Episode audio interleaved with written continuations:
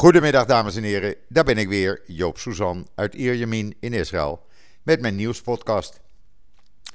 Ja, zoals gebruikelijk eerst even het weer. Nou, ik heb er weinig over te zeggen. Uh, het is gewoon 34 graden. Blauwe lucht, bijna geen wind. En uh, ja, ik heb uh, een uur geleden de airco toch maar aangezet.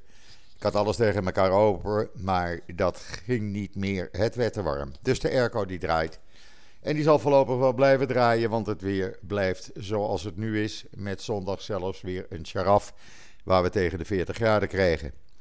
Maar goed, dat is uh, het weer in Israël. Uh, laat ik eerst even naar Nederland gaan. Want vanmorgen, ja, ik wil het netjes zeggen, mijn mond viel open van verbazing toen ik een uh, artikel in het Historisch Nieuwsblad las uh, over het 4 en 5 mei-comité. Uh, dat mensen met een uh, vlucht of met een vlucht of migratieachtergrond die, ja, die moeten zich ook kunnen verbinden met dodenherdenking en bevrijding, bevrijdingsdag. Dus eigenlijk die holocaust, ja, het is wel nog een punt van aandacht hoor voor het 4 en 5 mei comité. Maar daar blijft het dan bij. Ik denk, wat lees ik nu? Ik bedoel, dat heeft wat er in de Tweede Wereldoorlog is gebeurd. En waarbij ik mijn familie, 337 familieleden, kwijt zijn geraakt, vermoord door de nazi's, heeft niets te maken met de huidige migranten en eh, vluchtelingen die naar Nederland komen. Dat is iets van nu, dat is niet iets wat zich uh, uh, tussen 40 en 45 heeft afgespeeld. En om dan te gaan zeggen dat uh, 4 en 5 mei nog meer verbreed moet worden, waarbij natuurlijk de Holocaust een punt van aandacht is, ja, dan denk ik, sorry, maar hier heb ik even geen woorden voor. Toevallig, uh, mijn vriend uh, Rob Fransman, die belde mij en zegt: Joop, heb je plaats voor een nieuwe column? Want ik ben zo kwaad over de jaarlijkse herdenking. Uh, ik moet dat van me afschrijven. Ik zeg: Rob, kom erop.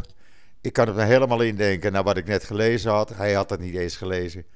En Rob heeft dus nu op uh, israelnieuws.nl een prachtige kolom neergezet. Lees hem even en dan weet u hoe dat voelt. Ja, en dan, uh, dan gaan we even over naar Israël maar. Want hier gebeurt natuurlijk ook van alles. En is er van alles gebeurd. Gisteravond een paar minuten voor twaalf, gisteravond laat, heeft de Likud-partij laten weten dat hun fractieleider Benjamin Netanyahu er niet in geslaagd is om een uh, regeringscoalitie samen te stellen. En hij het mandaat aan president Rivlin terug uh, heeft gegeven. Ja, dat is natuurlijk wel een dingetje, want het zou betekenen dat er voor het eerst na twaalf jaar uh, zal er mogelijk een regering komen waar Netanyahu dan uh, geen premier van is en er waarschijnlijk ook niet in zal zitten. Um, dat is natuurlijk wel een dingetje om even bij stil te staan, maar het lag in de lijn der verwachtingen. Het zat eraan te komen. Uh, er komen te veel onthullingen op dit moment naar buiten vanwege dat proces tegen hem. Maar ook, ja, mensen zeggen afspraken met Netanyahu. Hij belooft van alles, zoals hij dat ook aan Benny Gans heeft gedaan. En zodra je dan in de regering zit, dan zijn die beloftes opeens meer, niets meer waard. Dus ja, president Rivlin is vanmorgen om 9 uur meteen begonnen met het ontvangen van alle fractieleiders. Die moeten rond dit moment uh, moet hij uh, dat afgerond hebben. Het is hier nu rond half drie in, uh, in Israël. En moet hij weten wie van de fractieleiders de voorkeur heeft gekregen om te pogen een regering samen te stellen binnen 28 dagen. de verwachting is, maar het is op dit moment, wanneer ik dit opneem nu, nog niet bekend, dat het mogelijk Yair Lapid gaat worden die dan samen met Bennett een uh, brede regering gaat opzetten, een centrumrechtse regering, waar ook uh, twee kleine linkse partijen vanuit deel van uit zullen maken, zoals uh, Meretz en Labour. Um, zie dat maar als de Partij van de Arbeid, Labour en Meretz een beetje als GroenLinks. Ehm, of dat inderdaad zo is, of dat het iemand wordt vanuit de Knesset die het moet gaan proberen om een meerderheid van 61 zetels te krijgen. We zullen het zien. De komende uren weten we meer. In ieder geval morgenochtend. Zodra het bekend is. Natuurlijk, u bent de eerste die het weet van mij. Want uh, ik zet dat dan meteen op israelnieuws.nl. Maar het is toch wel een dingetje. En het is, uh, ja, uit peilingen ook bleek eigenlijk dat 43% van de bevolking geeft de voorkeur aan een regering onder leiding van Bennett en of Lapid. En dan iets anders, wat u ook uh, kunt lezen bij mij op israelnieuws.nl. Uh, in de Israëlische pers kwam naar buiten dat de Nederlandse AIVD, de Algemene Inlichtingen en Veiligheidsdienst van Nederland, een uh, vernietigend nieuw rapport heeft uh, uitgebracht. Waarin valt op te maken dat Iran in 2020 heeft geprobeerd technologie voor massavernietigingswapens in Nederland aan te kopen. Uh, de AIVD en de Militaire Inlichtingendienst hebben dit uh, weten te ver verhinderen. Maar het betekent nogal wat. Het betekent dat Iran dus uh, actief op zoek is naar Nederlandse technologieën om vernietigingswapens te maken waarmee ze Israël van de kaart kunnen vegen. Hou dat even in uw achterhoofd. Ook uh, andere landen hebben geprobeerd vernietigingswapens in Nederland aan te kopen, waaronder Syrië, Pakistan en Noord-Korea. Uh, niet alleen in Nederland trouwens, ze hebben ook in meerdere andere Europese landen hetzelfde geprobeerd. Maar ik vind dat nogal een dingetje en uh, ja, het is goed dat de AIVD daar bovenop zit. Maar ja, linkersoep.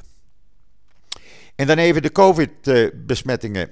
Uh, in de uh, dinsdag zijn er hier slechts 72 nieuwe gevallen bijgekomen. Het aantal patiënten in de ziekenhuizen staat nu op 160. In totaal zijn er nog 1215 mensen besmet in het land. er liggen 55 mensen in kritieke toestand. 57, neemt u me niet kwalijk waarvan er 55 aan de beademing zijn aangesloten. Het dodental staat op 6.369, is dus onveranderd. Er zijn nu 5.410.942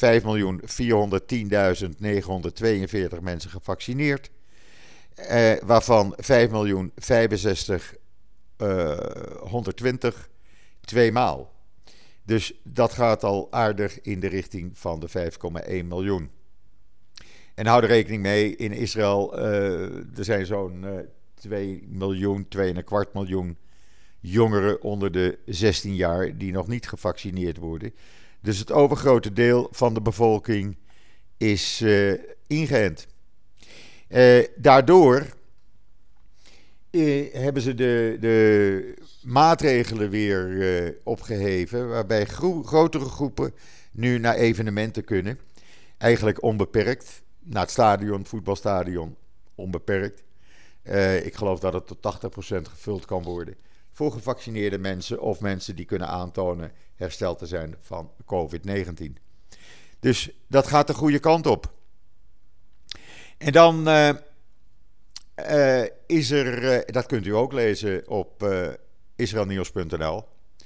Er is in de oude stad van Jeruzalem, of onder de oude stad moet ik eigenlijk zeggen, hebben ze een uh, bronzen olielamp ontdekt, waarvan de pit nog intact was, die gebruikt werd om uh, bij een huis uh, te worden aangestoken om geluk te brengen.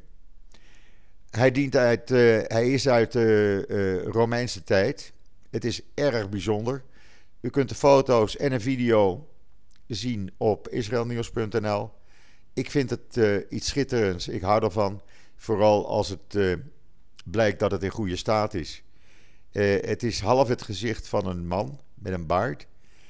die olielamp. En op de plek van de mond zit die pit dus en kan die worden aangestoken. Hij verkeert in een uitstekende staat trouwens. Dus ga dat even lezen, zou ik zo zeggen.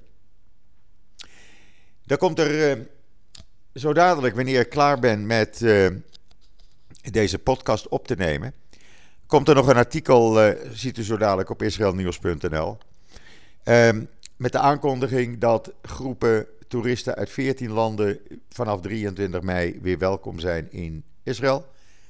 Maar helaas, Nederland en België zitten daar nog niet bij. Dat komt omdat het aantal besmettingen daar nog te hoog is. En uh, met deze 14 landen zijn overeenkomsten, ook over groen paspoort.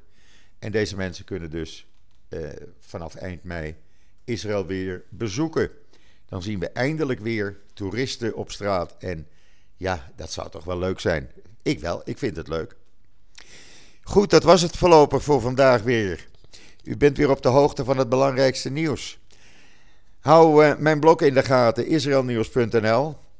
Zodra er iets te melden valt over uh, de regeringscrisis, laat ik het u weten. Zodra er ander belangrijk nieuws is, komt het meteen online. Dus u blijft van minuut tot minuut op de hoogte. Wens ik u nog een hele fijne voortzetting van deze bevrijdingsdag. En wat mij betreft, ik ben er morgen weer met een wat langere podcast, met ook wat achtergronden. En zeg ik zoals altijd, tot ziens, tot morgen.